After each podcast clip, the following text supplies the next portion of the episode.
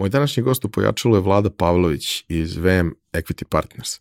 Pričali smo o financijama, o tržištu kapitala, o tome kako izgleda biti investitor u neko dobro i neko loše vreme, kako izgleda tražiti investiciju i kada je zapravo pravi trenutak da e, neki biznis e, sebe predstavi e, tržištu kapitala.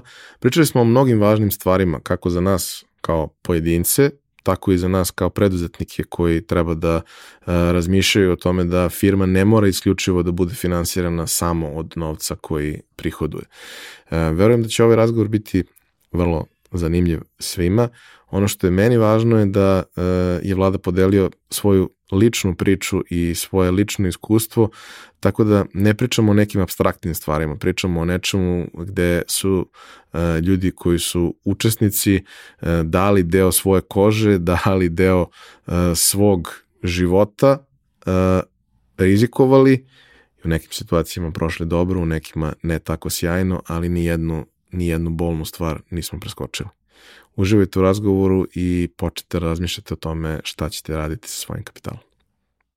Realizaciju pojačalo podcasta već duže vreme podržava kompanija Epsona od nedavno.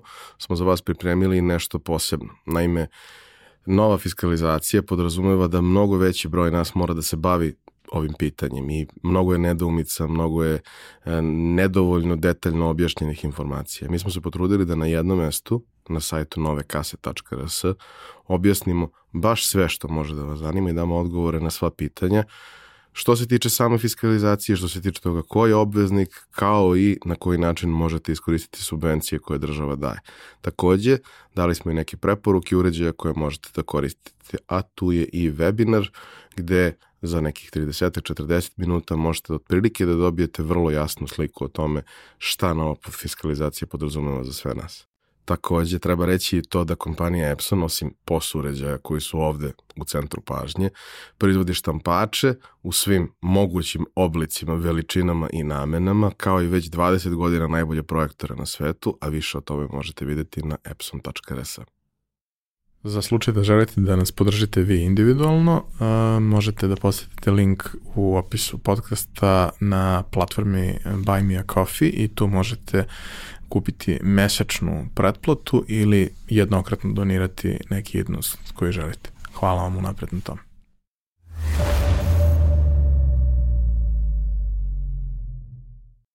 Vlado, dobrodošao. Ovaj, ti si jedan od redkih ljudi koje smo uh, do sada imali u Pojačalu koji se ovako vrlo temeljno bavi financijama. A to jeste jedna od stvari gde mislim da uh, fali najviše znanja i svesti, jer posebno u nekoj, nekom mom krugu prijatelja i, da kažemo, dobar deo i publike koja, koja sluša pojačalo, e, nema više one e, egzistencijalne brige već, već neko vreme. To su sve ljudi koji imaju dobre poslove, dobre plate, mogu da, dobar životni standard, mogu da planiraju neke stvari, ali prosto nekako nismo naučeni i osposobljeni za to, ni u jednom trenutku nam niko ništa nije rekao i onda e, ne postoji nikakav dugoročni plan i ti bilo šta slično. E sad, zašto sam baš tebe zvao i zašto sam želao s tobom da pričam? Prvo zato što ti imaš jednu jako e, neobičnu, ličnu priču. Drugo, ti si jedan od ljudi koji ne priča o tome, nego je on to sve uradio i radi na ličnom primjeru, pa samim tim se ovaj i bavi time da, da sa drugima na, na takvim stvarima sarađuje, a drugo dolaziš iz, da kažemo, korporativnog sveta, imaš iskustvo koje je na različitim stranama i možeš da razumeš različite profile ljudi. Vrlo često ovaj, si, si bio u prethodnom periodu adresa kada prosto nešto treba da se priča ili sa ljudima koji su investitori ili sa ljudima koji su iz nekih finansijskih institucija kao neko ko može da uh, posreduje, pomogne ljudima da se međusobno razumeju, jer obično ako neko dolazi iz IT-a ili komercijalnog biznisa, ne razume se baš najbolje sa, sa svima ostalima koji su tu važni i nije loše da postoji da postoji prevodilac. Tako da, dobrodošao, bit će ovo jedno zanimljivo i nadam se poučno iskustvo. Ivane, hvala puno na pozivu i naravno bit će mi zadovoljstvo da sa tobom i sa svim, da kažem, slušalcima i gledalcima ovog podcasta podelim sve svoje iskustvo u evo jednoj karijeri koja sad već ima preko 20 godina na domaćem i regionalnom finansijskom tržištu. Prvo pitanje za tebe kao i za sve goste, Mančmelo pitanje, šta ste da budeš kad porastiš? Pa to je jedno vrlo ovako interesantno pitanje. Ja sam, kad sam bio mali, a, bavio se sportom, ali sam nekako znao da nikad neće biti niti profesionalni futbaler, niti profesionalni skijaš, već da nešto u vezi sa jeli, financijama, ekonomijom, a, to mi je nešto bilo vrlo ovako interesantno još od srednje škole. I, a, a i čak mogu da kažem i od osnovne. I onda recimo moja profesorka i fizike i profesor matematike su se jako razočarali kad sam ja njima saopštio u četvrtom razredu gimnazije da ja neću da upišem ETF, nego da me interesuje ekonomija, da ću se baviti financijama i oni su rekli pa zašto ti Vladimir? to, od svakoga smo to očekivali, ali od tebe ne, pa zašto i ti da budeš ekonomista?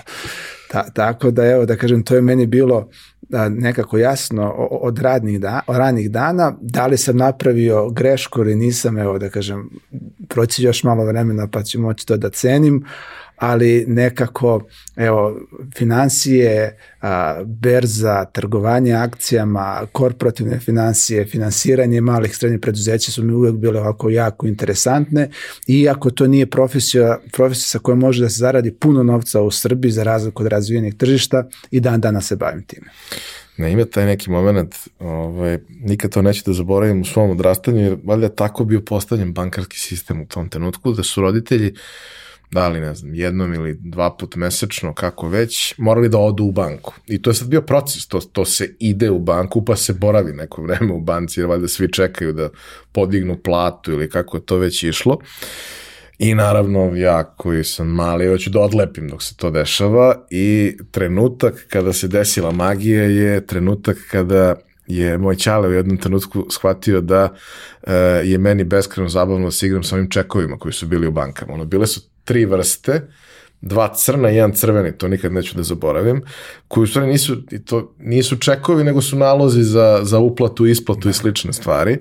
I kao, e, sva deca su se igrala time, tako što su pravile od toga aviončiće. A ja sam se igrao tako što sam popunjavao da. to. I kao, znaš, malo, malo je čudno, ali nekako te zainteresuje. Moj, moj mater je bio ekonomista i, i ja sam ono, od, od najranijeg detinstva uh, voleo da čitam te njegove knjige i da on meni to objašnjava, a voleo je da objasni i nekako me to uvek interesovalo. Nije mi bilo primarna profesija nikada, ali me uvek, uvek interesovalo. A, a šta se dešava, da kažem, ono, ok, faks, u redu, a, kad dođeš na, na, na faks, a, u, u kom, kako prosto pronađeš svoje mesto u svetu ekonomije? Jer prosto postoji mnogo usmerenja kojima možeš da kreneš. Financije su jedan od njih, marketing je drugi, mnogo nekih stvari do kojih može da se stigne. Kako si ti našao svoje mesto? Pa, a, ja sam ekonomski fakultet upisao 1990 i a, sedme, tako je, i u to vreme čak ono to sam ja želeo da radim u životu takvih predmeta i ja mislim nije ni postojalo, možda bio jedan predmet koji se zove finansijska tržišta, ali možda čak on uveden kasnije na postdiplomskim studijama.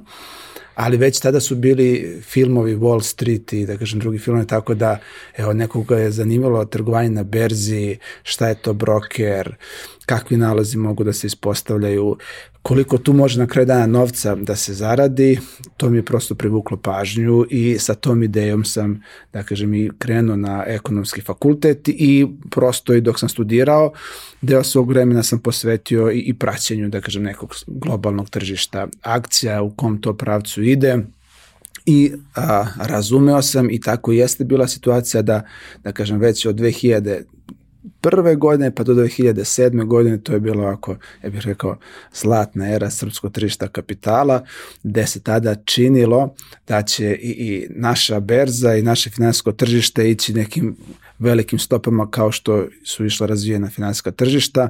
Nažalost, došla je kriza krajem 2007. godine i ova manja i nelikvidna tržišta su da kažem, imale a, mnogo veće negativne konsekvence nego razvijena tržišta, tako da se naše finansijsko tržište u nekom užem smislu ni dan danas nije oporavilo od krize 2007-2008, dok su razvijena tržišta, da kažem, porasla i nekoliko puta više u odnosu na nivo koji je bio pre krize. A, kažeš da u tom trenutku na, na fakultetu nije bilo previše onoga zbog čega si ga ti upisao. Ali šta si dobio na, na fakultetu? Šta su bile najvrednije stvari koje si iz tog iskustva povukao?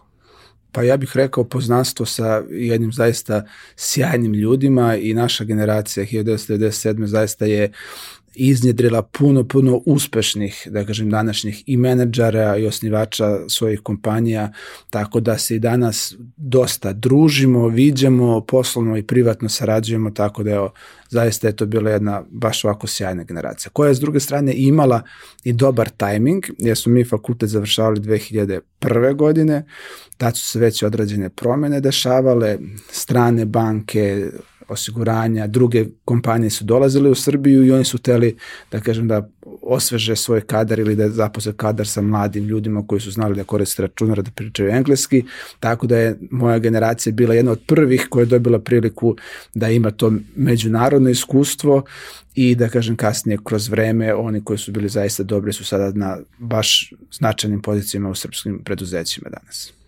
Uh, šta je bio tvoj prvi posao? Ovaj, pa moja karijera je vrlo, vrlo ovako čudna i, i skroz ja bih rekao ono što sam prvo radio, kada sam počeo da radim bi možda trebao da radim danas, a, a ono što radim danas je obično nešto sa čim se počinje. Moj prvi posao je bio a, u Narodnoj banci, tada se zvala Narodna banka Jugoslavije i to a, igrom i da kažem, spletom određenih okolnosti, ja sam radio u kabinetu guvernera, upravo u jednom timu koji je bio zadužen za razvoj a, i pravne i institucionalne infrastrukture za razvoj tržišta kapitala, još tada u Jugoslaviji, a kasnije u Srbiji i prvi projekat na kome sam radio je bilo izdavanje obveznica stare devizne štednje. I evo, da kažem, ja često zaboravljam datume, ali 19. novembar neću zaboraviti, to je bio datum kada je bilo prvo trgovanje obveznicama stare devizne štednje. Narodna banka je vodila taj projekat, bile su uključene još i druge poslovne banke, naravno Beogradska berza, I pre tog dana su prosto ljudi dobijali one velike štampane obveznice, imali ste obveznicu od od 10 evra do, do 5 miliona evra. Ovako ištampano predstavite, stavite u džep i šetite se gradom, idete da trgujete, to deponujete, da kažem, tada je bilo u okviru Narodne banke se tek formirao centralni registar, da bi se dali nalog za trgovanje, treba da deponujete obveznicu u centralni registar, dobijete tu potvrdu, s tom potvrdom, kao što si rekao, se prošeta do brokera, odnese se potvrda, broker s tom potvrdom se prošeta do Beogradske berze, izda nalog i da kažem, posle tri dana dana ste mogli da dobijete novac na vašem računu od prodaje ili obveznice ili ste mogli da dobijete izvod da ste kupili te obveznice i opet da ih izvadite u papirnom obliku, stavite u džep i, i, i da se šetate. Ovaj, nakon, nakon Narodne banke Srbije, pošto je Centralni registar postao samostalna institucija, ja sam prešao i radio sam dalje u Centralnom registru, tada je novi zadatak bio da pored tako ipak jednog organizovanog trgovanja kao što smo ustrojili za obveznice devizne štednje, preuzujemo i sve akcije i trgovanje svim akcijama koje su do tada bile izdate u Srbiji. A, tada je postojao privremeni registar u okviru Agencije za privatizaciju, i to je bio jedan vrlo interesantan isto projekat, jer iako su a, određeni i fizička lica i preduzeća trgovali na Beogradskoj berzi recimo 2000. 2001. godine, u tom privremenom registru neke transakcije po više od godinu dana nisu bile saldirane. Tako da ste vi dali novac, neko je dobio vaš novac, ali vi kada ste hteli da dobijete potvrdu o tome ove, da ste vi vlasnik tih akcija, neke transakcije se nisu saldirale i po više, da ne kažem dane više meseci i onda kažete sačekajte dođite za nedelju, dve, tri, kako već. E sada, s jedne strane imate razvijena finansijska tržišta da u okviru jednog dana možete da kupite i prodate istu akciju, u Srbiji ste za to morali da čekate i, da kažem, više nedelja, meseci, a nekad i godina. Tako da evo, prosto u toj 2000 četvrtoj godini a, je centralni registar, kad je postao samostalna institucija, kad se izvorio iz Narodne banke Srbije, preuzeo registraciju svih hartija od vrednosti koje se izdaju u, u Republici Srbiji, elektronski se povezao sa Beogradskom berzom i od tog trenutka je zaista naše finansijsko tržište poprilično izgledalo na isti način kao i ova tržišta u okruženju, u tom tehničkom, da kažem, smislu.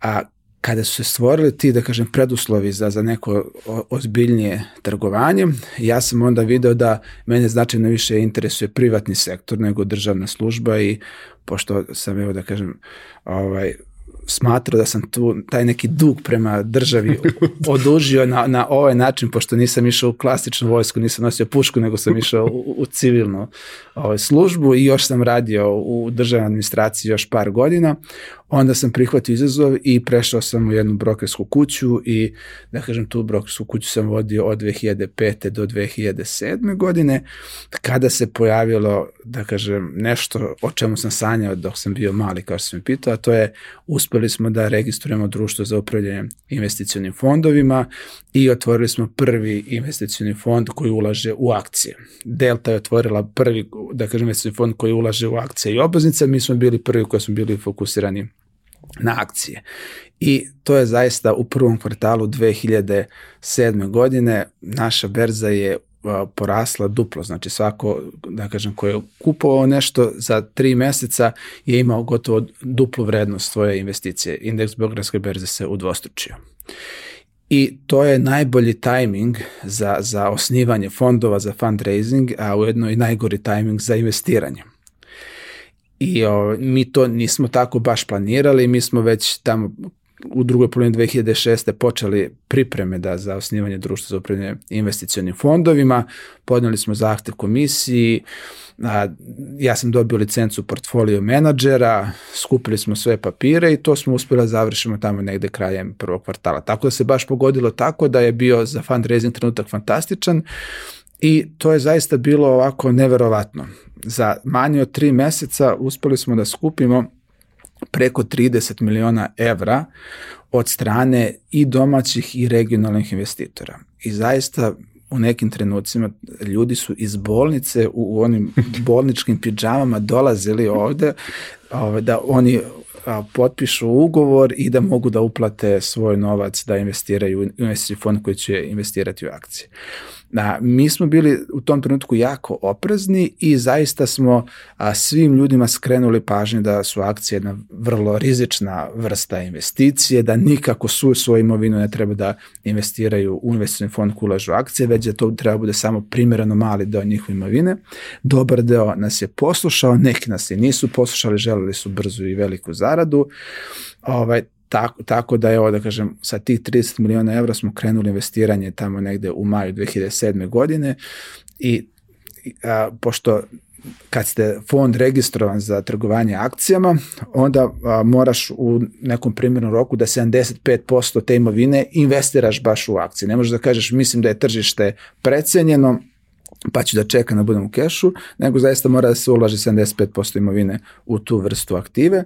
I tamo negde u oktobru ja sam uspeo da, da, da to sve investiram ovaj, i onda o, je krenula, da kažem, agonija i panika, tržišta su počela prvo globalna, onda i naše domaće da padaju i sve što sam u tih nekih 4-5 meseci trebao da investiram, u narednih 4-5 meseci sam trebao da dezinvestiram i da vratim uloge a, investitorima u naš investicijni fond, tako da smo onda vrlo brzo sa tih 30 miliona se vratili na nekih 3 miliona imovine u tom otvorenom fondu i da kažem to je bilo jedno nezaboravno iskustvo u tih godinu dana. A, a taj moment gde, gde ti imaš neki kapital s kojim treba nešto da, da, da uradiš, dešava se kriza, jel uh, ono, na koji način ljudi reaguju u tom trenutku? Mislim, pričamo o ljudima koji nisu, nije im to prvi put da čuju šta je investicija, nije im prvi put da se dešava nešto da je tržište destabilizovano i tako dalje. Ok, verovatno nisu prošli globalne ekonomske krize više puta u životu, jer prosto dešavaju se u ciklusima koji su dovoljno razmaknuti. Ali, e, obično kada, kada pričamo o takvim stvarima, da ono, postoje Uh, postoje dobre faze, postoje slabije faze, ali uh, investiranje je igra na duge staze.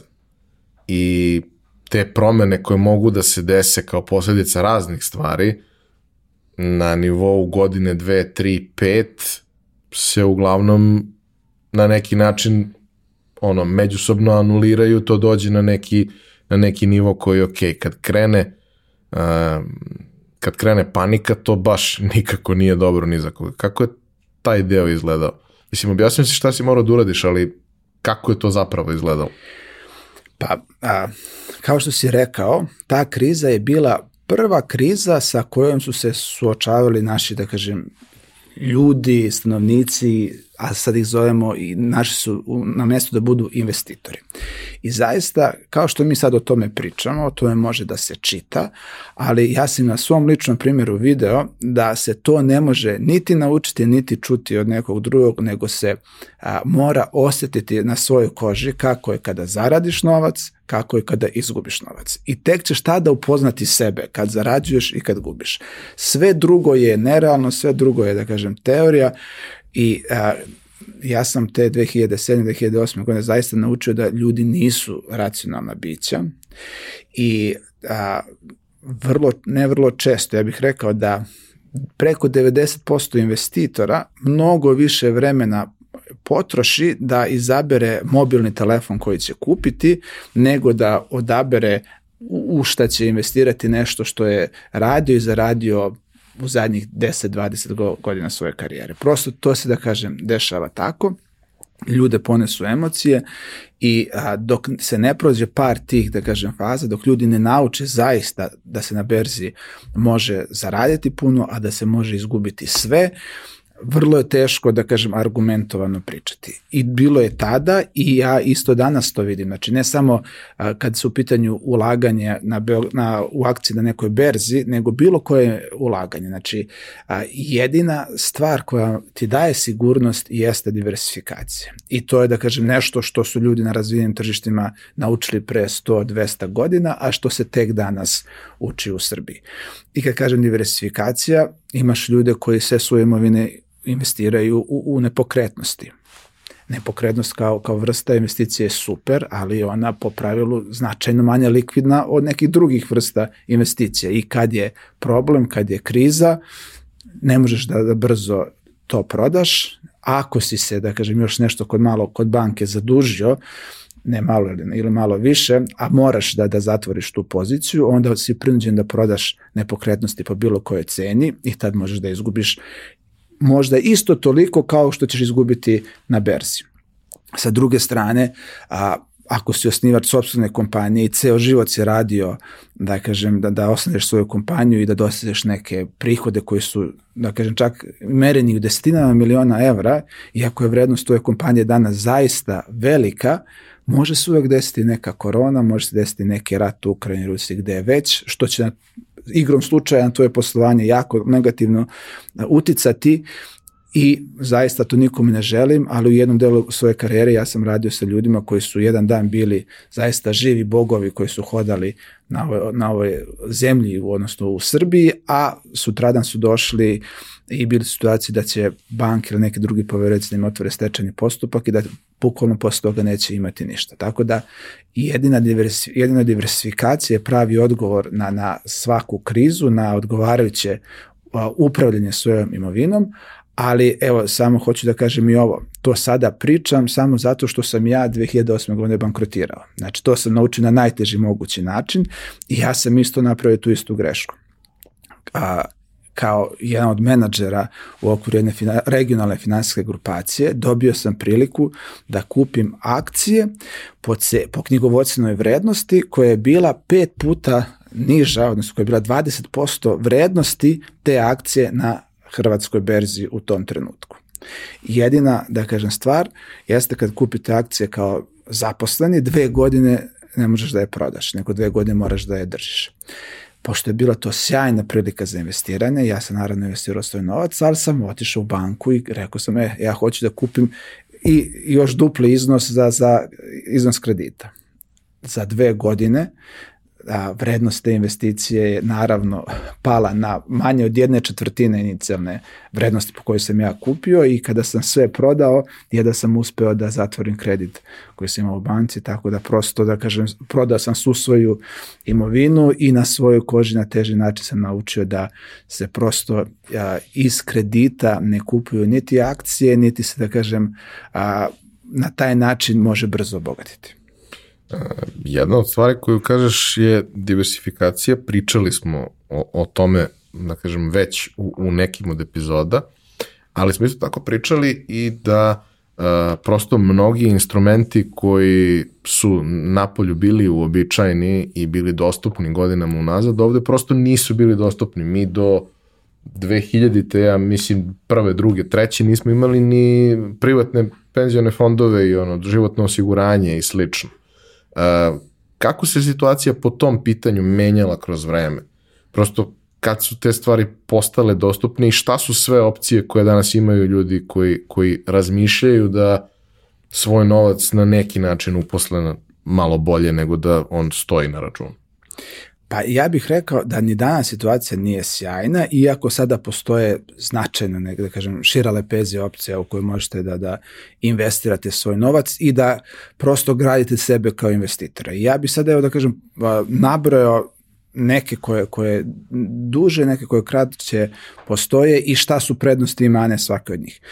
Evo, bankarski depoziti su bili, da kažem, nešto kad su došle strane banke tamo 2000. 2001. godine, sjajan finansijski instrument, sjajan način da uložite novac, jer u onim nedeljama štednje, ako se ja dobro sećam, nekada ste mogli da dobijete i skoro 10% godišnju kamatnu stopu u evrima.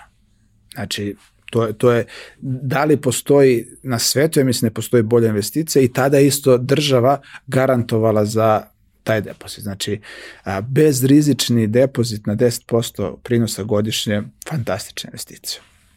Tokom vremena, evo da kažem do danas, ovaj, a, depozit na štednju, odnosno prinos na štednju je spao na 1 ili ispod 1 procenata i svakako a, svaki čovjek treba da ima neki iznos likvidnih sredstava, ali taj iznos ne bi trebalo da bude više od 6 do 12 meseci troškova njegovog običnog života. Prosto ostatak svoje imovine treba da bude investiran u nešto drugo. A postoje, da kažem, dosta dugo i osiguranja i penzioni fondovi i da kažem njihovi proizvodi a ja sam da kažem korisnik proizvoda od strane osiguravajućih društva je prosto a, osiguranje života je stvar a, zaista, ja bih rekao, i kulture.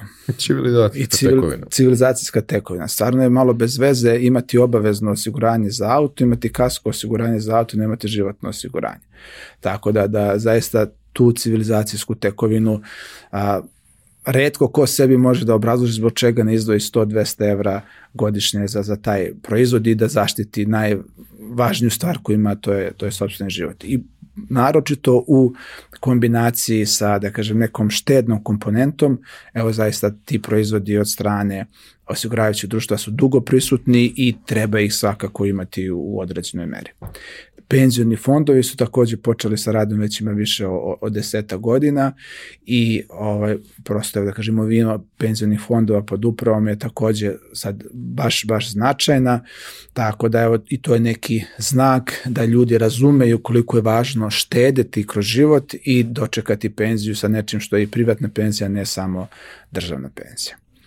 E sad, to su sve, da kažem, ja bih rekao, jako nisko rizični načini investiranja i ja bih rekao od kojih srpska privreda nema puno koristi, jer a, ajde kažem da stavimo sa strane ovo štednju u bankama, jer ipak da kažem banke dosta sredstava plasiraju i e, srpskim preduzećima, a penzioni fondovi osiguranje, oni da kažem najveći deo svoje imovine plasiraju ili da kažem u bankarske depozite ili u a, obveznice Republike Srbije šta je jako pohvalno i šta je, da kažem, na kraju meni jako izbudljivo i, i da kažem šta postoji sada kao alternativa dodatna za investiranje.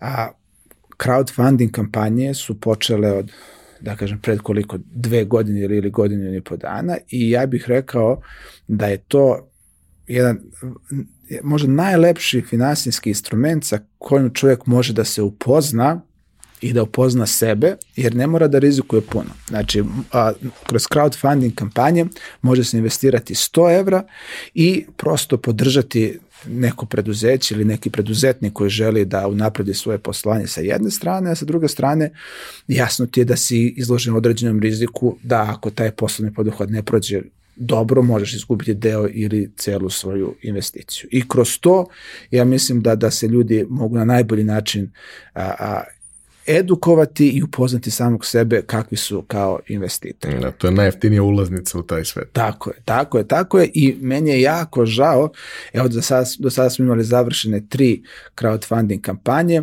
i kada se saberu svi investitori, to je dalje ispod 200 ljudi u, u Srbiji koji su investirali o, a, a ako, da kažem, izuzmemo neke koji su vjerojatno investirali u sve tri kampanje, onda je to vjerojatno brojka koja je bliže o, cifri od 100 ljudi koji su iskoristili tu priliku i to mi je, da kažem, baš žao zbog toga i verujem i nadam se da će u narednim kampanjama biti prilike da se, da se i više, da kažem, investira kroz taj način. Ono što me takođe isto interesuje, odnosno raduje jeste da u, u poslednjih godinu ili malo više od godinu dana takođe start-up kompanije koje posluju u Srbiji, u Srbiji mogu da dobiju finansiranje od strane poslovnih anđela i udruženje poslovnih anđela, odnosno mreža poslovnih anđela koju je okupila inicijativa Digitalna Srbija, je jedan sjajan primer kako, da kažem, novi način investiranja može da se, da se organizuje u Srbiji. Nažalost, trgovanje na Beogradskoj berzi nije, da kažem, toliko zastupljeno i nije toliko primjereno, niti bar evo ja danas ne vidim veliki broj interesantnih kompanija u, u koje se može investirati, ali isto ono što je interesantno jeste danas a, su nekih globalnih platformi, vrlo lako iz Beograda možete investirati a, pare širom svih globalnih berzi, zato ja uvek savjetujem da to ne radite sami, nego da, da to, da kažem, angažujete od, odgovarajući stručnjaka koji prati sve te svetske berze i koji može da napravi portfolio koji je, da kažem, u skladu sa preferencijama svakog pojedinac, pojedinca. Da li je, da kažem, stabilan, manje ili više rizičan, a, koliki, si, kolike se prinosi mogu očekivati, koliko se, koliko se i gubici mogu očekivati. Tako da je sa te tehničke strane sad investiranje na globalne berze mnogo, mnogo jednostavnije. Isto ono što je postalo, da kažem, s jedne strane i, i zakonom regulisano i jasno i porestki sad obuhvaćeno jeste investiranje u kriptovalute, tako da, da, da kažem, od prošle godine a, kripto više nije dilema je li to legalna ili nelegalna, nelegalna investicija, već je zaista legalna i opet da kažem tu se može isto investirati mala količina novca i čovjek može sebe da upozna i sa tim načinom investiranja. Kripto tržište je jako, jako rizično, ali isto interesantno i neki određeni deo imovine svakog pojedinca, odnosno investitora zaslužuje da može da bude u kriptu, odnosno ja volim da zovem to u privatnom novcu. Tako da evo, vidimo kolika je inflacija bilo i u Evropskoj uniji prošle godine, a sa druge strane kriptovaluta, odnosno privatni novac, ima nešto što se meni jako sviđa, to je recimo Bitcoin, osnivači Bitcoina su rekli da više od 21 milion Bitcoina nikada neće biti izdat. I to je daje jednu zaista veliku buduću vrednost Bitcoinu, a sa druge strane državni novac koji se izdaje i koji se emituje zaista nema nikakva ograničenja i prosto na kraju dana nije čudno što imamo onda inflaciju. E, ono što si, što si pomenuo e, za, za crowdfunding i za Ventu RS platformu gde sam i ja bio uključen od samog početka i danas sam uključen u taj neki deo marketiranja, e, nama je svima jako drago što, što uh, su sve tri kampanje uspele i što imamo jako dobar feedback od ljudi, ali isto tako smo svesni toga da nam je publika zapravo dosta manja nego, nego što smo možda inicijalno mislili. Ono što nam je jako zanimljivo svima je što kada analiziraš prosječnu potrošnju ljudi, odnosno koliki je taj čip koji oni investiraju, da su tu brojke mnogo bliže austrijskom proseku nego što smo mislili da će biti. Ja sam mislio da će upravo zato što je minimalna investicija 100 eura biti jako puno njih koji će probati sa 100 eura, jer ko što da ne. Međutim, ispostavilo se da to i nije slučaj. Ima i njih, ali oni su možda u brojkama 20% u iznosima i mnogo manje, a zapravo ljudi mnogo više razmišljaju da to, ako već ulaze, ne bude prevelika količina novca, ali bude nešto na, na čemu će osetiti zapravo ovaj, i, i, i, i efekte te e, kamate i, i svega toga, jer kao, mislim, kad uložiš 100 eura na period od par godina, prinos može da bude nekoliko desetina eura u najboljem slučaju, to se ni ne oseti. Zanimljivo je, zanimljivo je taj moment da imaš mogućnost da izabereš mali iznos, uđeš sa tim, a da onda uh, imaš to nešto da, jer nije equity, nego je pozajmica, ali se ti ipak osjećaš kao da si deo toga.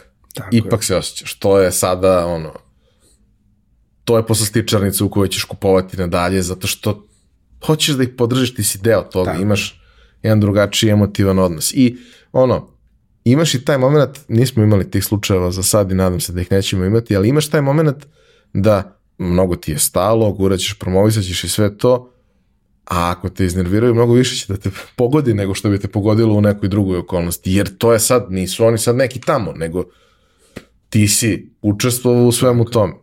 Tako da, ovaj, jeste sjajan način da o, oceniš kakav si u takvim situacijama, jer prosto, kako Ameri kažu, uh, put your money where your mouth is. Svi mi kada nas neko pita jel, da li bismo uradili ovo ili ono, do trenutka dok ne izvadimo novac, da li bismo nešto kupili i tako dalje, svi mi pričamo ipak malo drugačije nego što bismo postupili u tom trenutku. A ovde je to baš konkretno nešto gde no, na, od obećanja se ne živi. A, ja bi samo istako još jedan vrlo važan moment koji ima veze sa svakim investiranjem. A to je, ti spomenuo da kažem ako se investira 100 evra, koja se kamata može očekivati ili tako dalje. Prinos od svake vrste investicije je, da kažem, jedna stvar i ona može biti jednocifren, može biti dvocifren ili tako dalje. Ali najveći efekat je u tome što vi taj novac niste potrošili. Kad si investirao u crowdfunding platformu ili neku kampanju 100, 200, 500, 1000 evra, nisi taj novac potrošio u kafani, nisi kupio nepotrebne cipele, nepotreban sat, nisi pretplatio a, neki automobil, prosto, to je stvar, da kažem, isto a, a, evolutivne e, e, prirode, a to je da si a, se odlučio da štediš. A to isto mislim da neke zemlje uče decu od malih nogu da štede, mi i dalje možda ne učimo našu decu da kad se novac zaradi, nešto se potroši, a nešto se, da kažem, i uštedi. I ako si uštedio 100 evra tako što si investirao u crowdfunding kampanju, a nisi kupio nove patike, recimo, taj novac će se vratiti istina sa nevelikim prinosom, ali da kažem tu je pa sledeće godine ovaj, ćeš imati još dodatnih 100, 200, 500 evra i kroz neko vreme to će ipak biti neki novac sa koji može da se isfinansira i s jedne strane prva godina školovanja tvog deteta ili put oko sveta ako želiš da, da, da putuješ i da, i da uživaš. Prosto ja mislim da je to najveći deo i najvažnija stvar kod investiranja, to je da smo sačivali novac da ga nismo potrošili. Sa jedne strane da ga nismo potrošili, sa druge strane da on nije izgubio vrednost, kako bi prirodno izgubio vrednost u tom vremenskom periodu. Tako Jer to je. je možda i najveći problem sa ovim izuzetno sigurnim načinima štednje. Oni su takvi da u najboljem slučaju će umanjiti ili idealno eliminisati ono problem inflacije ali ne postoji tu nekakva realna zarada od toga na, na, kraju, na kraju dana.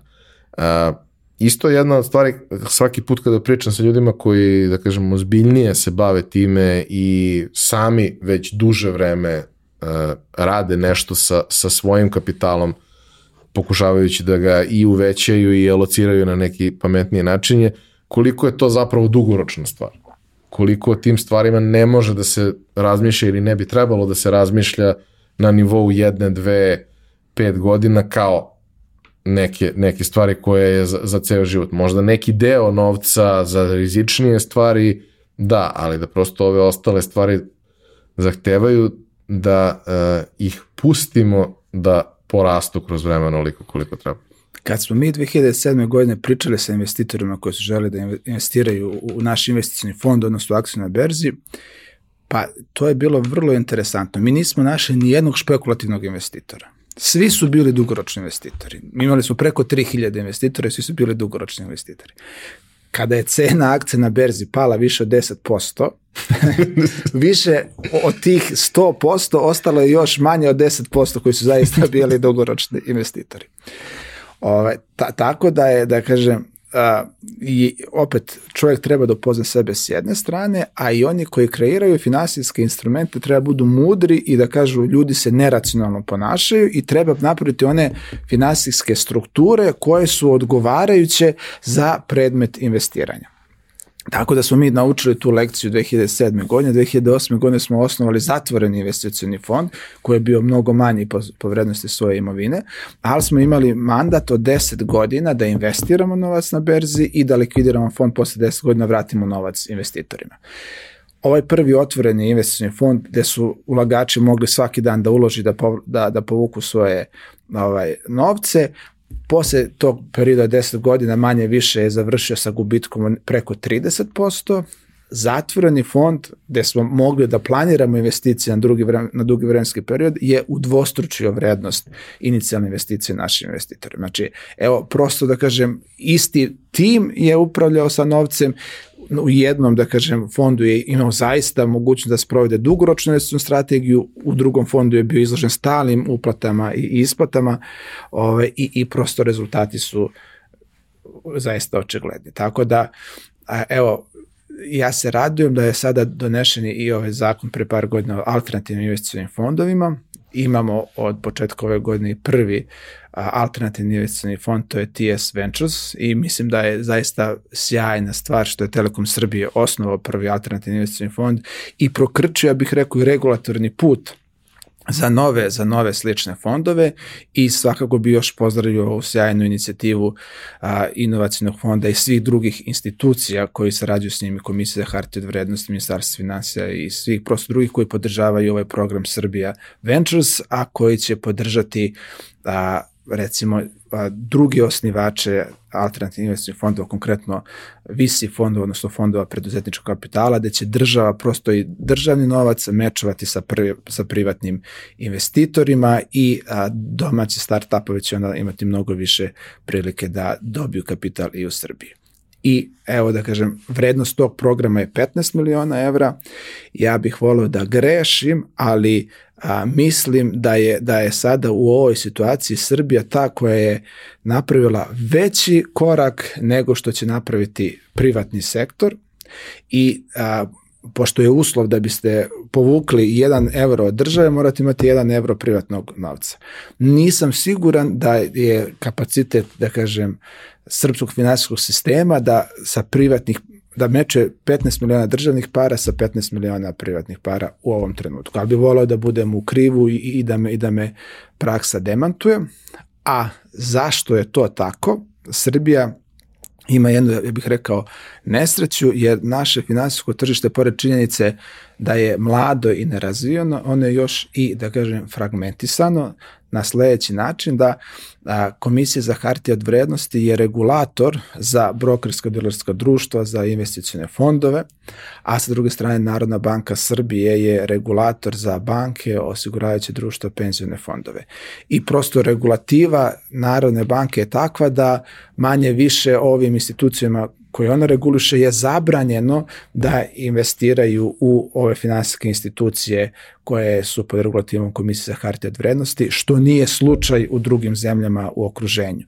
I mi kad pričamo sa našim kolegama recimo iz Hrvatske, oni recimo i ne primaju privatne investitore u njihove visi fondove ili, ili private equity fondove, jer prosto imaju toliko institucionalnih investitora pre, se, pre svega penzionih fondova koji su među vremenom rasli, koji žele deo svoje imovine da investiraju u, u njih kako bi oni predrž, podržali ili tradicionalne preduzeće ili start-up kompanije. Tako da evo da kažem Hrvatska već ima zaista jednu vrlo razvijenu a, a scenu privatnih fondova i venture capital fondova. Nadam se da će se to desiti u Srbiji. Bitno je da je krenulo, a oko dinamike ćemo vidjeti još. Kako je izgledala tvoja karijera od trenutka kad uh, je pod jedan sve otišlo dođe vola na poslu, a onda i privatno, da kažemo, sa, kada je tvoj kapital u pitanju, ovaj, manje više slično. Znači, to je bilo pre 14 godina. Šta se dešavalo u ovih 14 godina? A to što sam proživio i na privatnom planu i na poslovnom planu zaista je jedno dragoceno i neprocenjivo iskustvo i tad sam naučio da šta god da se desi čovjek može da, da, da preživi zaista i, i, i da izađe još jači i, i pametni. A, mi smo prosto, evo da kažem, na privatnom planu pa da kažem ništa, prodaš kola, a, pro, ono, svedeš svoju potrošnju na minimum, a, kupiš motor koji je, da kažem, primjeren za Beograd i čekaš priliku da krene bolje u životu, pa da kažem da, da onda opet možeš da ponovo kupiš stan, da kupiš bolje auto i tako dalje. A da kažem, preduslov za to jeste da ovaj poslovni plan krene, krene dobro. A, mi smo od tima koji je brojao preko 50 zaposlenih morali da se svedemo na tim koji broj 5 zaposlenih i videli smo da dugoročno, da kažem, posao na finansijskom tržištu nije održiv, pa onda razmišljali smo šta tu drugo možemo da radimo, šta mi to sad znamo dobro i da možemo da unovčimo. I onda smo zaključili da upravo ovo što se nama desilo se dešava i kompanijama u Srbiji i onda smo počeli da naše iskustvo kako da kažem se prilagoditi krizi i kako restrukturirati svoje poslovanje, možemo da prenesemo prvo onim kompanijama u, u čije akcije smo investirali kroz naše fondove i nakon, pan, nakon par uspešnih restrukturiranja banke su nas prepoznane kao zaista jednog pouzdanog partnera i od 2000 recimo 9 do 2018. godine radili smo na više od 100 projekata restrukturiranja preduzeća koje su našle u finansijskim poteškoćama. To smo najčešće radili kroz ili napred pripremljen plan reorganizacije ili plan reorganizacije kroz stečajni postupak. I to je isto bilo jedno dragoceno iskustvo, tu smo upoznali ljude koje, kao što sam rekao, pre samo par godina su bili bogovi koji su hodali zemljom i kad smo pričali s njima oko investicija iz naših investicijnih fondova, za samo par godina videli smo koliko se oni uopšte nisu, ne, nisu se pripremili za krizu, nego zaista nisu imali nikakav plan B, su svoju imovinu su investirali u svoje preduzeće, operativno su se bavili svojim poslovanjem, nisu strateški postavili, da kažem, neke ciljeve i zaista su bili jako ranjivi, bili su na, na ivici bankrotstva.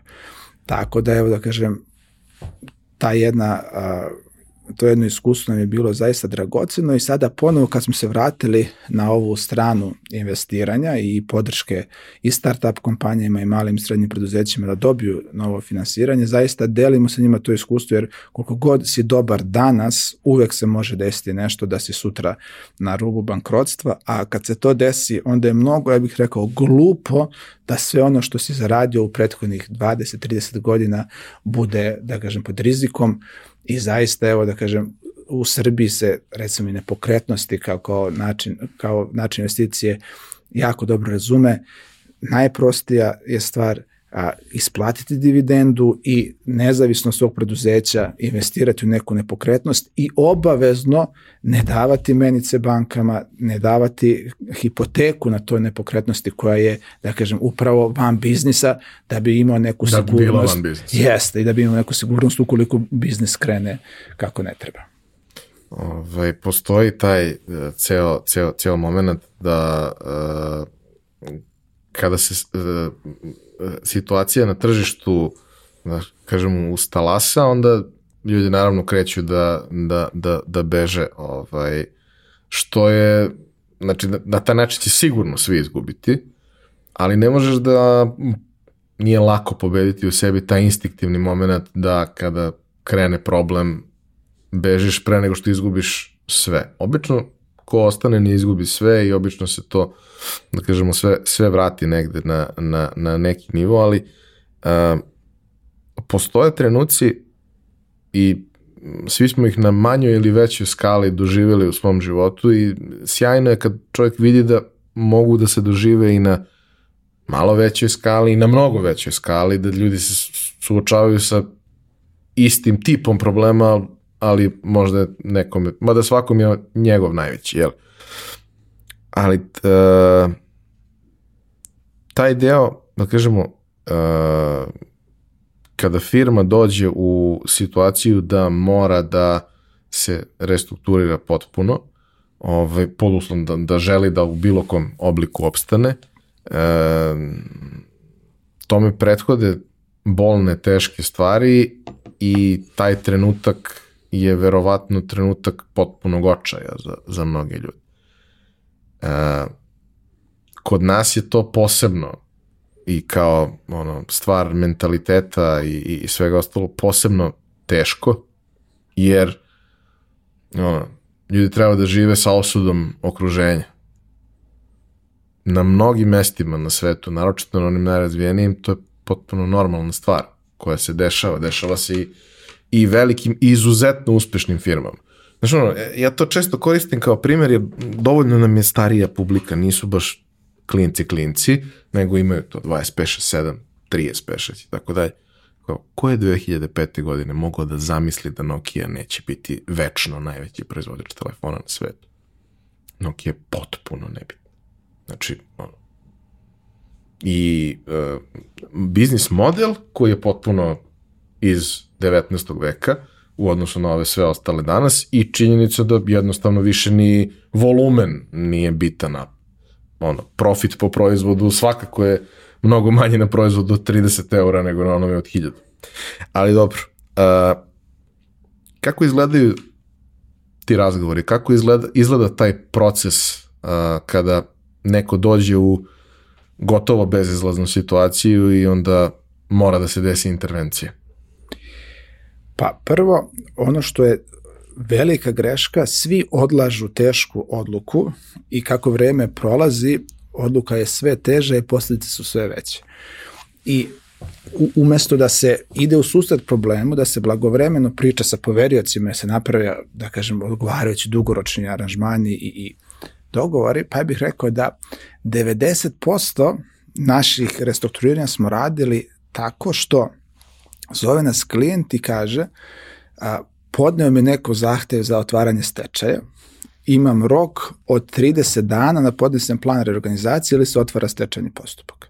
Znači, on je uspeo da sačeka da neko plati taksu i da mu pokrene stečajni postupak, umesto da je šest meseci ili godinu dana pre toga sam inicirao ceo postupak i ispregovarao sa svim poveriocima i da nije bio u blokadi šest ili 12 meseci u, u kom vremenu je izgubio dobar deo klijenata. Znači, dobar deo klijenata je, ne dobar, ja bih rekao preko 90% je zaista zakasnio, a neki su primili to bolnije od drugih. Imali smo i tu neprijatnost, jedan klijent nam se i ubio.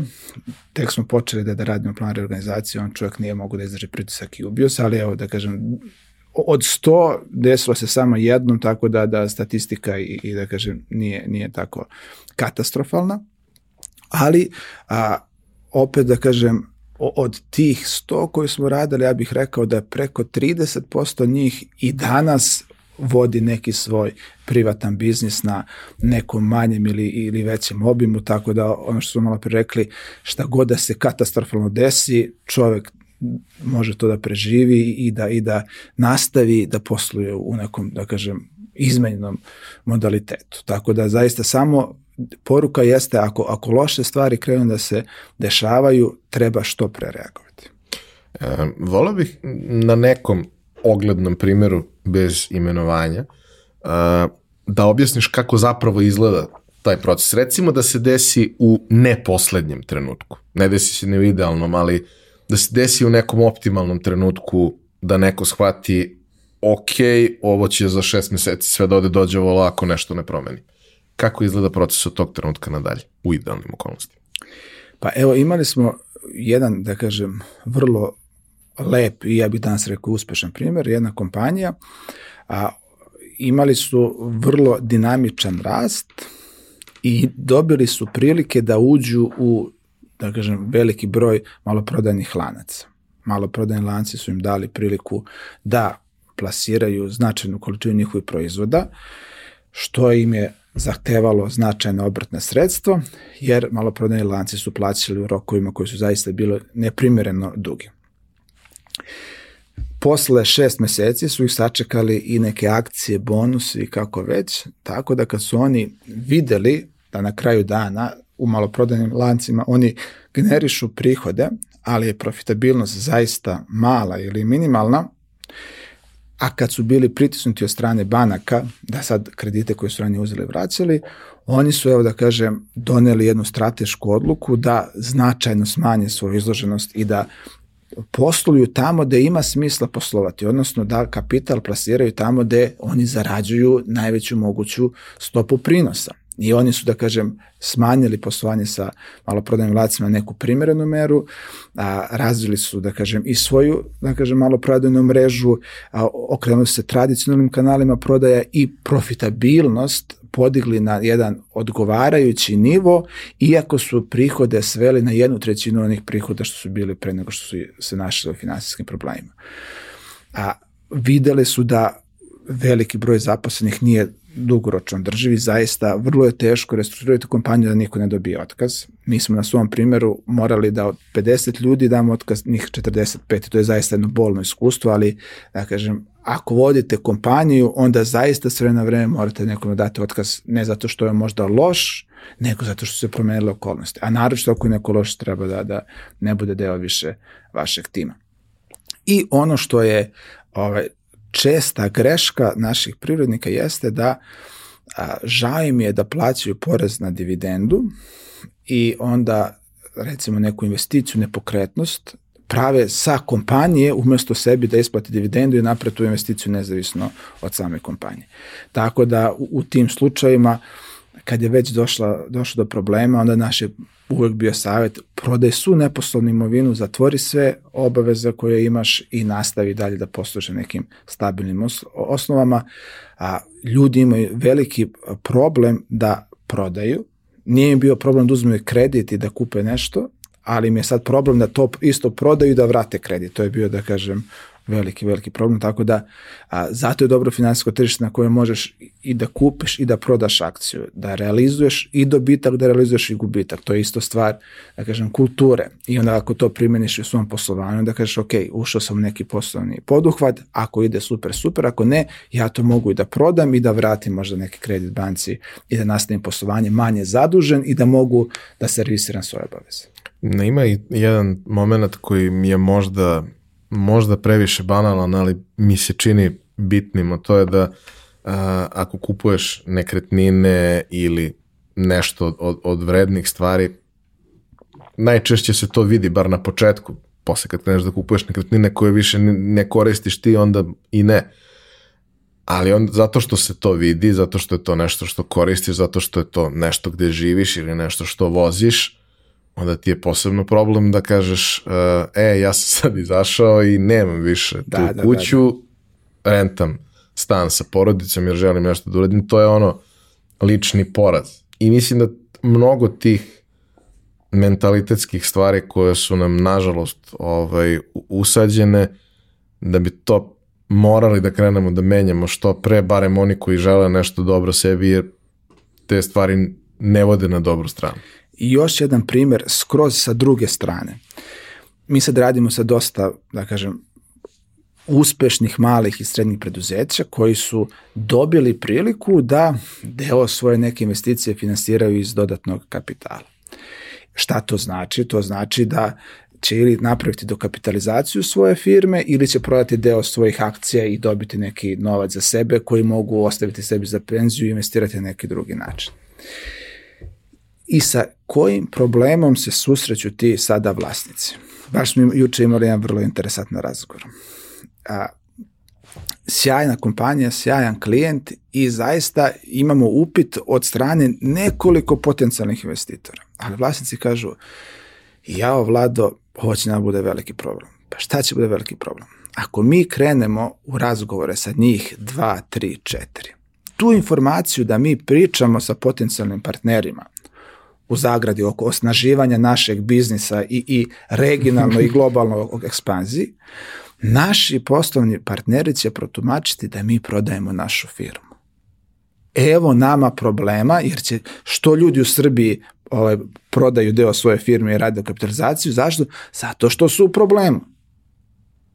I onda dobit ćemo izuzetno negativan publicitet zato što radimo sjajnu stvar za našu kompaniju. Tako da evo da kažem, to je isto jedan primjer tog pogrešnog mentaliteta. Ja kažem, a da vam ja kažem, mnogo je a, a, gora informacija da vaši partneri saznaju da vi imate kredit u banci.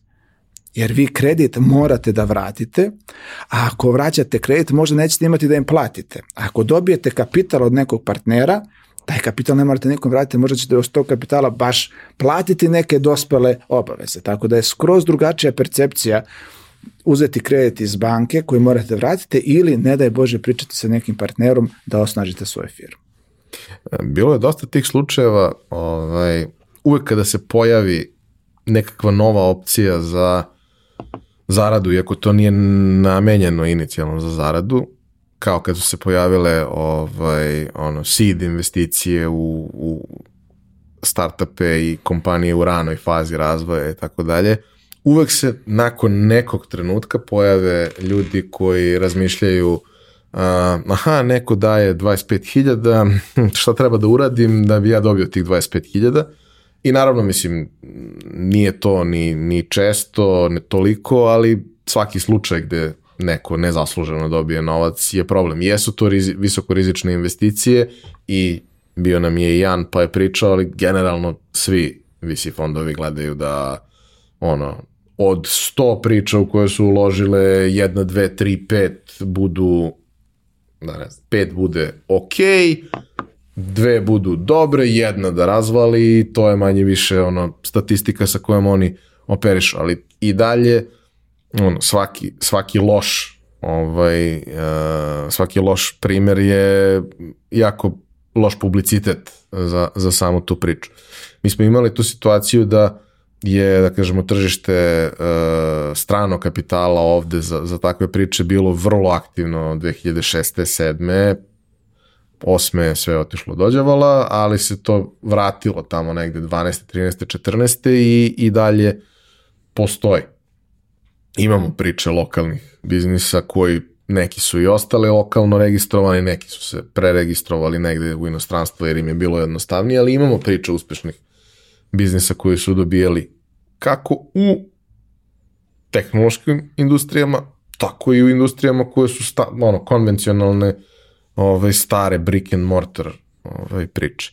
E, kako se tebi čini kretanje tog, tog tržišta kapitala? Često e, ljudi koji imaju neke zanimljive priče, bez obzira na to koje su te veličine te priče, neke su male, srednje, neke su zaista velike, imaju, čini mi se, pogrešan utisak da e, ne postoji kapital za njih, odnosno nije moguće da nađu investiciju za ono što žele da, da rade u narednom periodu.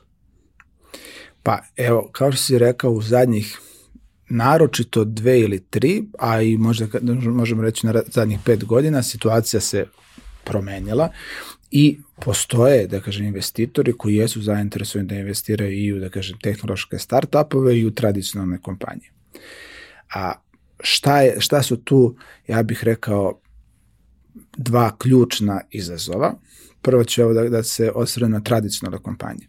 Da biste mogli da dobijete investitora u tradicionalnu kompaniju, vi od samog osnivanja ili bar dovoljno dugo treba da se vrlo da kažem brižno odnosite pre, prema svojoj kompaniji, odnosno da izbegavate određene, ja ću zvati optimizacije, uštede, zaista da kažem čest je primjer da vlasnik kompanije vozi najnoviji model Mercedesa ili BMW-a, a da mu njegov informacijni sistem je još uvek star 20 godina, da mu je žao da plati, plati za da kažem neki i čak i middle management ako je on sam top management, da umesto da sačeka i da plati sve dozvole za gradnju, da on ide da ozida neko objekte pa će se na, kasnije baviti legalizacijom, da deo svojih privatnih troškova predstavi kao trošak firme, pa da tu, da kažem, plati manji porez, ali onda mu je profitabilnost manja i kad sa, svim, sa, sa svojom tom, da kažem, istorijom sedem da priča sa potencijalnim partnerom, potencijalni partner to kad pogleda i kaže zaista a, na drugi pogled tvoja kompanija deluje mnogo lošije nego što smo gledali na, na prvi pogled i onda imamo veliko razočarenje u smislu vrednosti. Tako da kažem da taj aspekt a, vrednovanja je nešto o čemu se mora razmišljati značajno pre nego što se priča sa investitorima. I a, drugi aspekt jeste da kažem problem sa kojim se isto suočavaju osnivači, a to je da kad imate nekog novog investitora, oni zahtevaju od vas da im date određena jemstva i garancije da to što oni kupuju zaista bude tako kao što ste vi njima predstavili u, da kažem, nekom postupku inicijalnog pregovaranja ili due diligence ili kako već. Znači, prodaja firme ili primanje strateškog partnera ili finansijskog partnera u firmu nije prodaja polovnog automobila u viđenom stanju. Ne, to je da kažem postupak u kome vi dajete jemstvo i garancije da ako se neki problem desi, a odnosi se na prethodno poslovanje, vi treba da nadoknadite štetu vašem partneru. I to su, ja bih rekao, dve ključne stvari o kojima vlasnici tradicionalnih preduzeća treba svakako da razmišljaju. Opet, na strani start-upova, dobra činjenica jeste da imamo svake godine sve više start-up kompanija, a dobra činjenica jeste da one da njihovi osnivači nisu, da kažem, samo možda da kažemo studenti koji su se odlučili da krenu nešto inovativno posle fakulteta, već imamo određeni broj ljudi sa značajnim korporativnim iskustvom koji kreću u, u taj posao. Šta je tu izazov sa kojima se susrećemo jeste prosto Srbija je siromašna zemlja i veliki broj tih, da kažem, startup preduzetnika mora nešto i da radi da bi pokrilo svoje dnevne operativne troškove i sa druge strane da razvija svoj startup. I onda da kažem, jako je teško u određenom kratkom roku taj startup gurati da on raste dovoljno brzo, odnosno toliko brzo koliko bi, da kažem, neki finansijski partner kao što je Visi fond zahteva. Tako da, evo da kažem, dobra stvar jeste da vrednost tih inicijalnih investicija je sada sve veća i daje mogućnost osnivačima da onda zaista se posvete svom startupu i da zaista budu tu fokusirani i da u nekom razumnom roku od godinu do dve ili naprave sjajnu priču ili prosto da stave tačku da kaže ova poslovna ideja nije funkcionisala, stavljamo tačku, idemo u, u, u novi startup i, i neko novo iskustvo.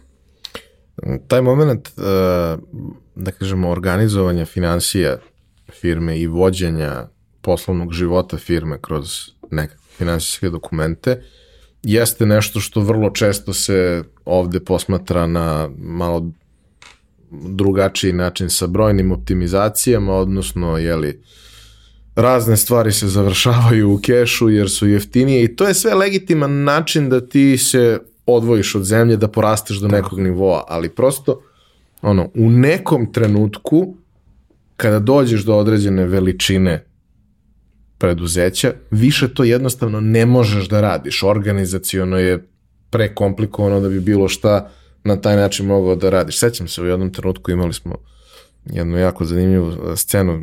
Razgovarao sam sa jednim od, kažemo, direktora naših tehnoloških kompanija koji je dugo u tom poslu. Ja sam u tom trenutku bio klinac od ne znam, 20 godina i naravno, mislim, ono, imao sam neke ljude koji su bili zaposleni, primali plate, ali imao sam gomilu tih nekih spoljnih saradnika koje sam keširao za stvari koje su radili, jer prosto to je bio u tom trenutku jedini način da se to jednostavno završi u moje glavi. Znaš, se kao, pričali smo o raznim stvarima i između ostalog, ja sam pitao, a je kao, postoji kod tebe taj moment? I on me gleda i kaže, jel ti stvarno misliš da na 200 ljudi to može da se radi tako? Pa rekao, ne znam, na Na 10 može. Znači, može na 10, na 20, na 30 može. Na 40 već imaš dve osobe koje se bave samo time. Kao, veruj mi, ne može, ne funkcioniš. Onda moraš kao da porazmisliš da li negde u tom procesu grešiš, jer onda kad, kad zapravo staviš na papir sve troškove koji postoje, ti shvatiš da o, odjednom nisi baš toliko profitabilan, odjednom nije to toliko dobro, a to su neki od parametara koji se koriste u, u procesu određevanja valuacije firme. I to bih volio da te pitam, tvoje neko mišljenje, iskustvo, praksa, ljude kada pitaš koliko im novca treba za nešto, pričao sam ti tu i, i scenu sa, mislim, koja se sto puta desila sa, sa Venturas, kad pitaš nekog, ove, a, dobro, a, koliko vam novca treba, pa koliko možemo da dobijemo. Mhm. Šta hoćete da uradite? Pa ne znam. Pa onda vam ne treba novac. Pa ne, treba nam novac. Dobro, crowd investing funkcioniše tako što vi nama kažete šta planirate da uradite i koliko vam novca treba, mi onda procenimo da li to ima smisla za nas i da li smo dobar fit i da li mi to možemo da vam isfinansiramo, ako, je to, ako su želje prevelike, verovatno je prerano da tako nešto radimo na taj način, ali uvek se vrtimo oko istog pitanja. Odnosno, vrtimo se u krug oko stvari koja je pitanje šta je bilo prvo, kokoška ili jaje, Ove, a to je zašto vam treba novac, a koliko možemo da dobijemo. Pa ne možete dobiti ništa ako nam ne kažete zašto vam treba. Ovaj, I onda vrlo često ljudi, posebno ljudi koji nisu iz ekonomije, jako precenjuju to šta su uradili ili opet u drugim slučajevima podcenjuju koliko to zapravo vredi. Ove, na koji način neko ko nije iz te priče može da uh, sebi postavi na pravi način u glavi kako se vrednuje jedan biznis, koji su parametri koji se gledaju, na koji način je to uobičajeno da se, da se uradi procena? Pa, a, postoji, da kažem, velika mistifikacija procene vrednosti nečega. Nešto vredi onoliko koliko ukoliko uopšte postoji druga strana koja hoće da, da za to da neki novac da bi uopšte postojala jedna strana koja hoće da kupi tvoju firmu, nju investira, onda ja zaista mislim da treba da se oni prethodni koraci uradi o čemu smo pričali na odgovarajući način, da firma bude zaista uređena, sređena, da sve posluje, da kako se kaže, na belo i da bude ok. To je, mislim, zaista prvi preduslov. Ako se u to a, zakupamo i krenemo da investitoru objašnjamo, a nije baš tako nego ovako, a vrednost firme značajno, značajno padne. A to je nešto što a, je sasvim legitimno da se testira iz godine u godinu u razgovoru sa potencijalnim partnerima, investitorima. I a, tako što ćete angažovati nekoga ili vi sračunati vašu ebidu puta neki multiplikator minus, da kažem, neto finansijski dug, to je, ja mislim, zaista, zaista suviše uprošćena priča i ako tako izračunate, dok ne probate u praksi, dok ne vidite da li ima neka druga zainteresna strana, to je zaista samo brojka na papiru.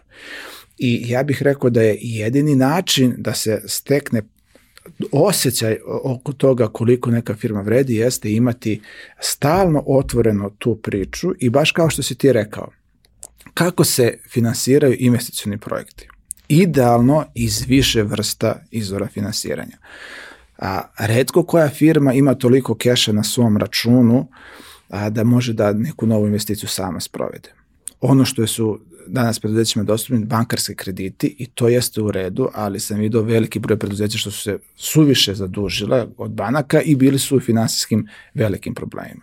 Dodatni kapital je zaista jedan legitiman i, i vrlo korišćen način finansiranja novih investicija koje zaista koriste sve, ja bih rekao ne razvijene, nego normalne zemlje sveta, a kada uđete u, u onda u te razgovore, onda, da kažem, kroz vreme testirate i pitanje vrednosti vaše firme. I meni je sjajan sad jedan primer, ovaj, koji, koji da kažem, u, u praksi a, sada diskutujemo, a zajedno, zajedno sa svojim i prijateljima i partnerima našli smo jedan vrlo interesantan startup, to su naši ljudi koji a, žive i rade u Berlinu, a da kažem koji su nedavno imali jedan vrlo uspešan exit. I na tom exitu su bukvalno uzeli značajne pare, ne kažemo milione evra. Oni kreću u novi startup i imaju prvu rundu finansiranja koja iznosi par stotina hiljada evra. I naše prvo pitanje je bilo Sašto oni idu, da kažem sada u prvu rundu eksternog finansiranja kad imaju toliko novca da im je ovo što će dobiti eksterno zaista smešno. Ali dobili smo jedan vrlo smislen odgovor. Mi želimo od samog starta da verifikujemo vrednost naše firme, mi želimo od samog starta da podelimo rizik sa eksternim investitorima i mi želimo od samog, samog starta da čujemo drugo, treće, peto mišljenje jer ne mislimo da smo mi najpametniji na svetu i verujemo da kad pričamo sa drugim pametnim ljudima, dobit ćemo dobre smernice da naš investicijni projekat bude što, što veći. E, zaista to nedostaje, da kažem, ja bih rekao preduzetnicima u Srbiji, da budu otvoreni za razgovore sa, sa eksternim investitorima, da čuju njihovo mišljenje i da nekako priznaju sebi da nisu nužno oni najpametniji na ovom svetu. Ti si imao prilike dosta da radiš i sa jednom i sa drugom stranom i onima koji gledaju gde da investiraju i onima koji su u potrazi za do, dodatnim kapitalom za, za rast i razvoj ili za šta god je firmi potrebno. A, kakav je tvoj utisak ok, prič, pričao si kako je to izgledalo 2008. kada su svi bili dugoročni investitori dok nije došlo prvi, prvi problem. A, kakva je situacija danas? Kakvi ljudi se javljaju za takvu neku vrstu saradnje i, i, i aktivnosti? Pa, a, obično opet i, i ovde ovaj se e, najčešće samo inicijativno javljaju oni koji su sad već iscrpili neke svoje a, interne mogućnosti i sad su oni zaključili što opet takođe dobro, da ne mogu dalje sami i kažu, e, ajmo sad da vidimo da li možemo da, da dalje radimo u partnerstvu sa nekim. A, I, I to je, da kažem, skroz legitimno i, i za takve kompanije imamo potencijalne partnere i svakako ih, da kažem, a, uvodimo neke razgovore. Međutim, ovim a, investitorima su najinteresantnije upravo one kompanije koje ne dođu kod njih, nego oni moraju da ih nađu. To su one kompanije koje zaista imaju da kažem, odličnu istoriju poslovanja, gde poslovanje iz godine u godinu zaista je sve bolje i bolje i prosto oni i ne razmišljaju šta znači dobiti nekog finansijskog ili strateškog partnera da podeli rizik sa njima.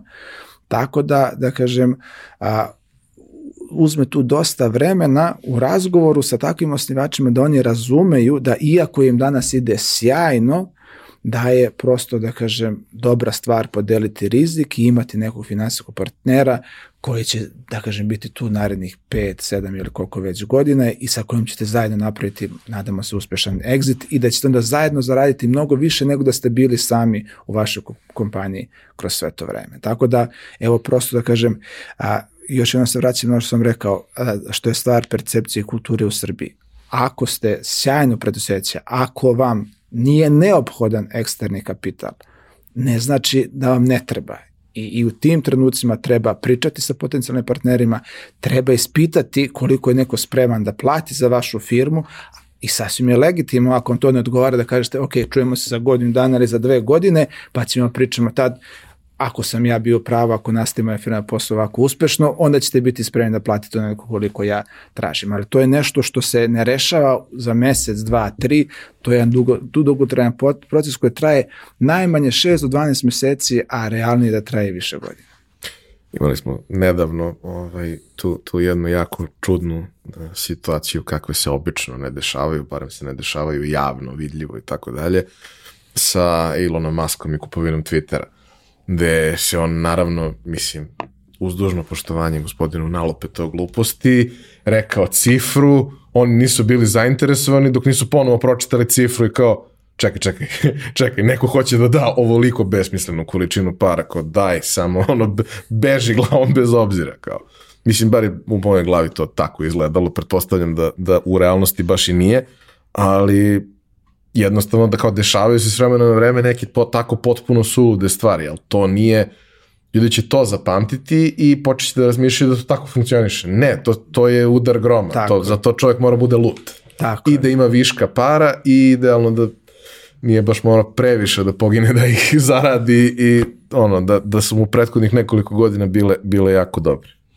Kad smo kod prethodnih nekoliko godina, otprilike si nas doveo negde do 2018 Uh, šta ste radili u posljednjih nekoliko godina i šta se dešavalo sa poslom, tržištem tokom pandemije?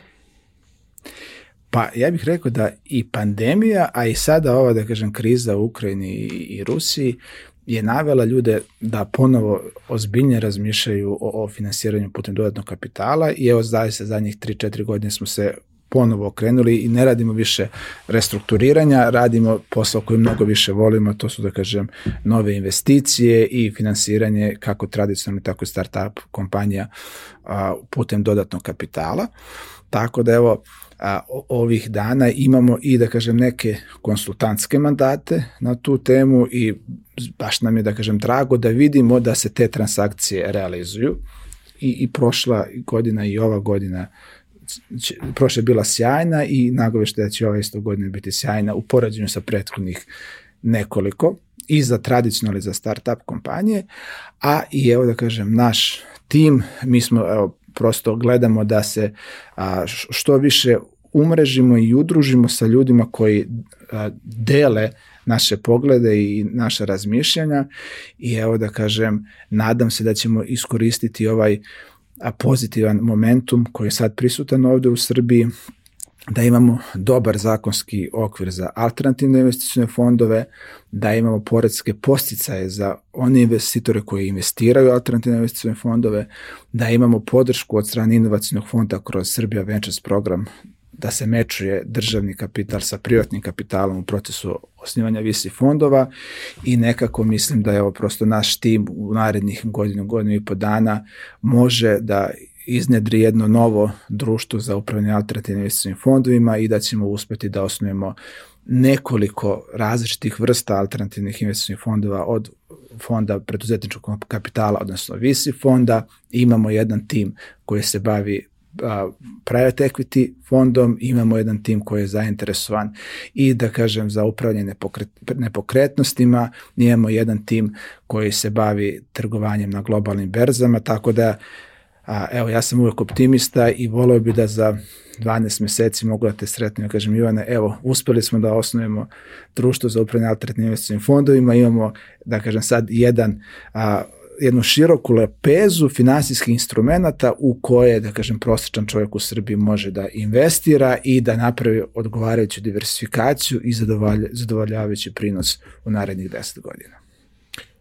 Kada mi je bio Rade Rakočević, on je pričao, naravno, i svoju ličnu priču, ali je pričao i taj deo koji se odnosi na a, ono što je očigledno njegova velika strast, bez obzira što mu je i profesija dugi niz godina, a to je zapravo, da kažemo, negde uh, um, edukacije ljudi, motivisanje ljudi da krenu u neku priču sa uh, trgovinom na, na, na bezi.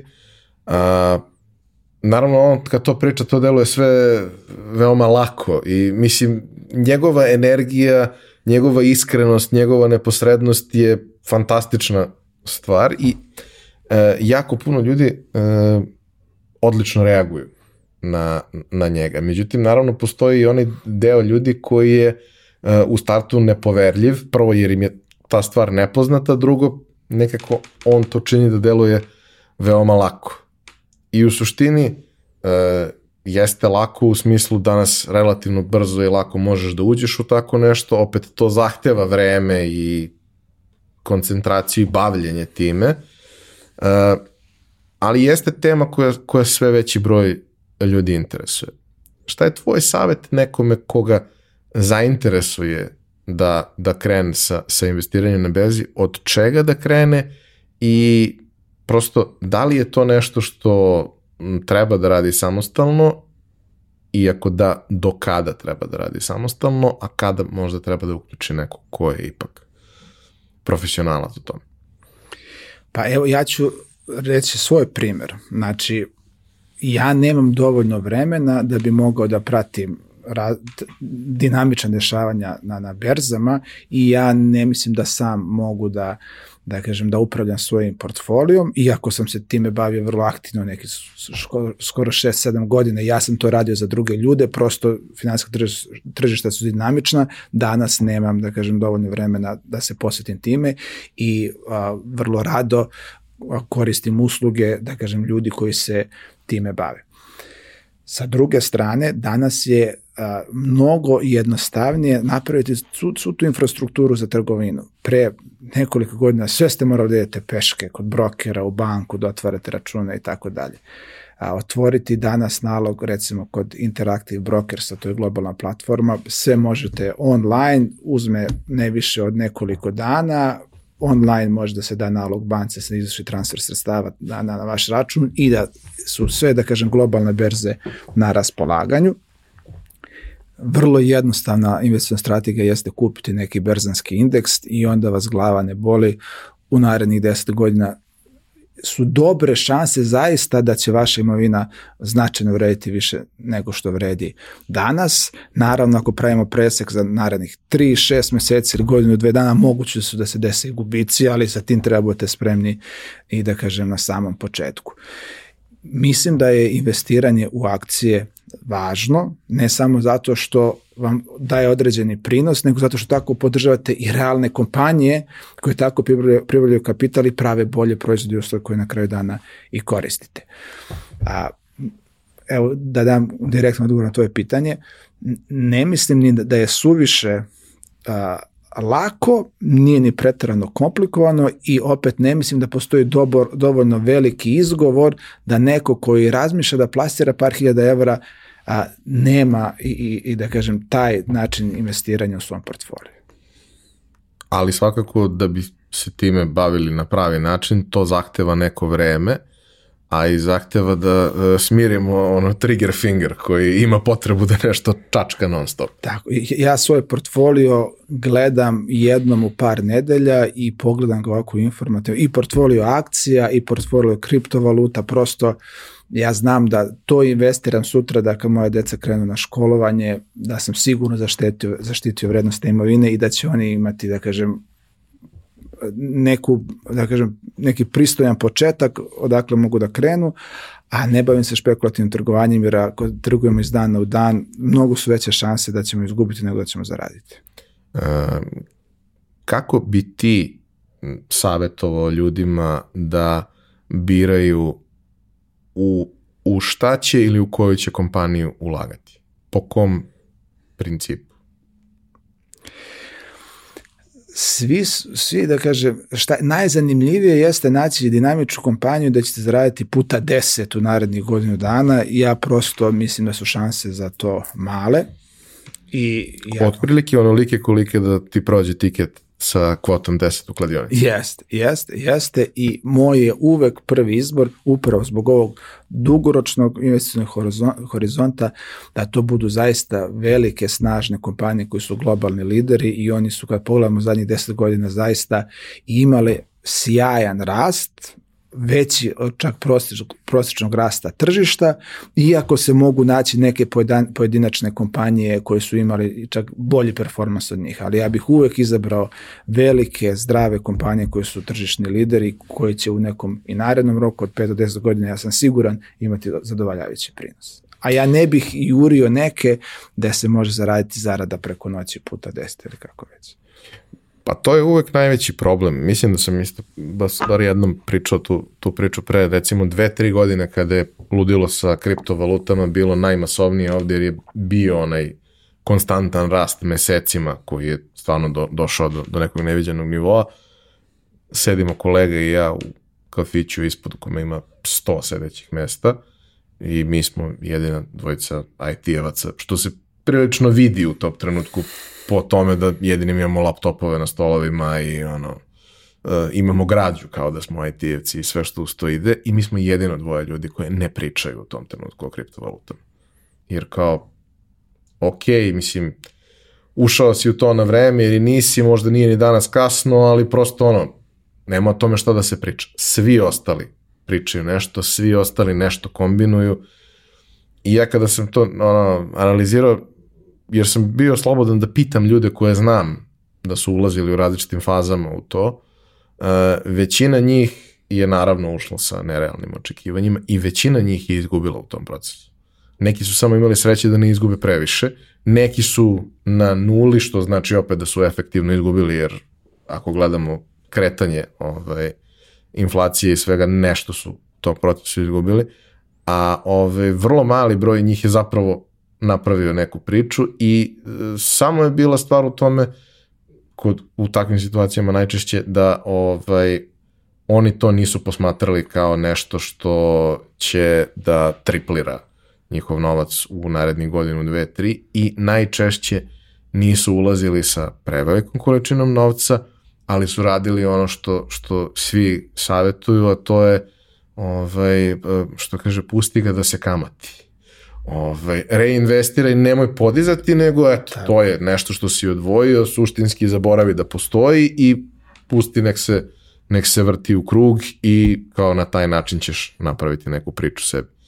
Ovaj, uh, kako danas, da kažemo, 2022. godina, uh, kako je, uh, ukoliko nije previše lično, kako je raspodeljen tvoj kapital? Odnosno, kako bi bila preporuka da, da to radi neko ko, ko ulazi u priču?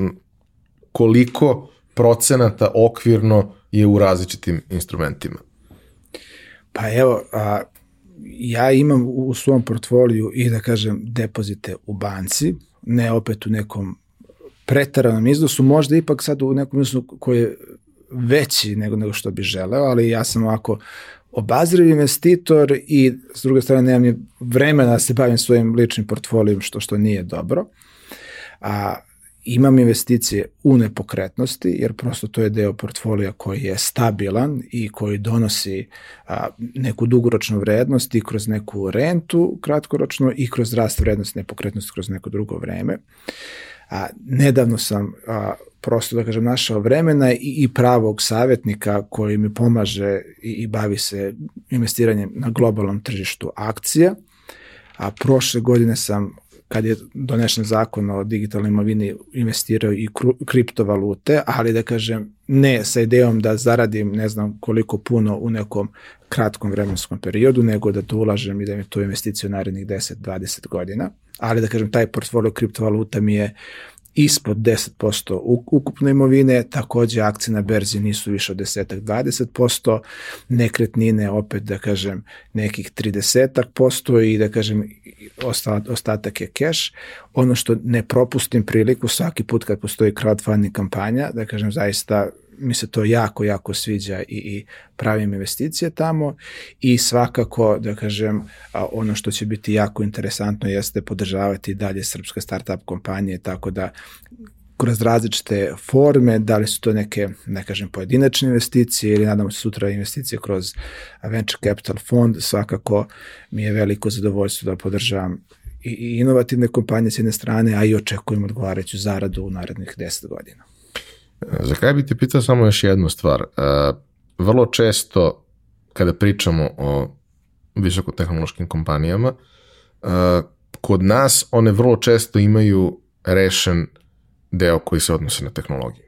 U smislu ima ko će napraviti taj proizvod, e, sve što ide sa te strane da ti na kraju imaš urađeno to što treba je ok, ali naravno vrlo često biznis segment nije na dovoljno visokom nivou razvijen, ne postoji ni svest i postoji, da kažemo, niz, niz problema oko toga.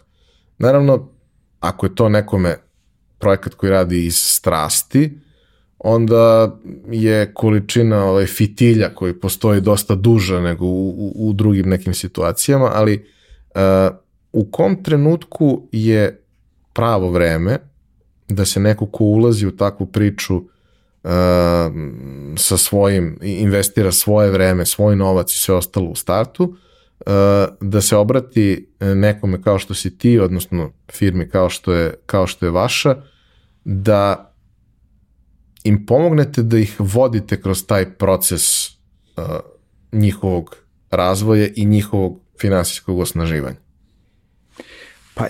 idealno i pre nego što krenu u, u taj postupak, jer a, šta je, da kažem, jedna od ključnih determinanti da li neki startup može da dobije finansiranje ne, a to je da li su, da li osnivači imaju a, različite a, a, veštine koje su potrebne da pokriju i da kažem a, odnos sa, sa postojećim budućim klijentima, da li imaju odgovarajući talent da neku tehnologiju, da kažem, savladaju da naprave zaista dobar proizvod, da li su dovoljno finansijski pismeni da mogu da pričaju sa potencijalnim investitorima, donatorima i da obezbede prosto finansiranje za ovaj ostatak tima i da li, da kažem, neko ima dovoljno nekog biznis iskustva da to zajedno organizuje i vodi. I prosto, a, evo, to smo u nekim regionalnim programima objašnjavali nekim startupima da imamo jednog osnivača i mi kažemo, ako ste jedan osnivač, sigurno nikad i nigde nećete dobiti investiciju nijednog visi fonda. Od samog starta razmišljate da imate bar dva ili tri člana koji imaju neki, da, neko iskustvo iz svih ovih navedenih oblasti i nije neophodno u samom početku da svi budu full time committed za, za taj projekat. Ali mnogo važno da svi, da kažem, imaju malo svoje kože u toj igri i za takve stvari, ja mislim, pogotovo kod startupova, nije moguće uzeti konsultanta da, da kratkoročno reši neki problem. To je nemoguće. Ja zaista mislim da osnivači moraju da imaju ceo set ovih veština i ovih znanja da bi u nekom raznom vremenskom periodu mogli da a, i kreiraju odgovarajući proizvod, da ga modifikuju, da on nađe svoje mesto na tržištu i da to na odgovarajući način objasne nekim finansijerima koji će ih podržavati u daljoj ekspanziji. Tako da prosto nikad nije kasno da, da se zatraži, da kažem, takav savet, ali je dobro što pre ga zatražiti i najbolje na samom osnivanju da taj, da kažem, da, da inicijalni osnivači pokriju sve neophodne veštine, a ne da recimo bude uh, tri, pet IT-evaca koji samo znaju da, da, da kažem, razvijaju proizvod, a da sve ove druge stvari koje smo nabrali ostanu skroz nepokrivene. Ima i slučajeva gde to se završilo jako dobro, tako što neko vidi fantastičnu tehnološku stvar i kaže, ok, ovo ja mogu da proguram, ali u toj varijanti ti ljudi koji su to razvili najčešće ne dobiju baš onoliko koliko zaslužuju, jer oni to ne mogu da prodaju nikome. Njima je potreba neko ko će to progurati e, gde treba. Tako da idealno je kada je sve pod jednom ovaj, kapom, naravno može da bude i kroz ljude koji su tu part time, koji su tu kao savjetnici tako dalje, ali neke stvari mogu i da se ovaj interno organizuju na, na takav način. Vlado, hvala ti što si podelio svoju priču. I hvala ti što uh, smo na jedan vrlo životan način ispričali nešto čime se niko od nas ne bavi dovoljno, jer svi mi živimo u trenutku i živimo u zemlji u kojoj se već 30 godina živi u trenutku i niko ne može da razmišlja dugoročno, a moramo to da menjamo i mislim da ovakvi razgovori pokreću promene u tom smislu, nek se dve osobe nakon ovoga odluče da nešto probaju, meni je to sasvim ok, opravdalo je što smo ovako proveli jedno, jedno popodne u razgovoru. Hvala ti puno. Hvala puno Ivane na pozivu, bilo mi zaista veliko zadovoljstvo i baš sam mi ovako vreme brzo prošlo. Hvala vama što ste nas slušali, sva pitanja, e, sugestije, komentare ostavite na YouTube-u, mi ćemo se potruditi da ako je bilo nešto gde, gde je potreban odgovor, taj odgovor i dobijete. Hvala što ste nas slušali, nadam se da vam je bilo interesantno. Vidimo se i čujemo ponovo sledeće nedelje.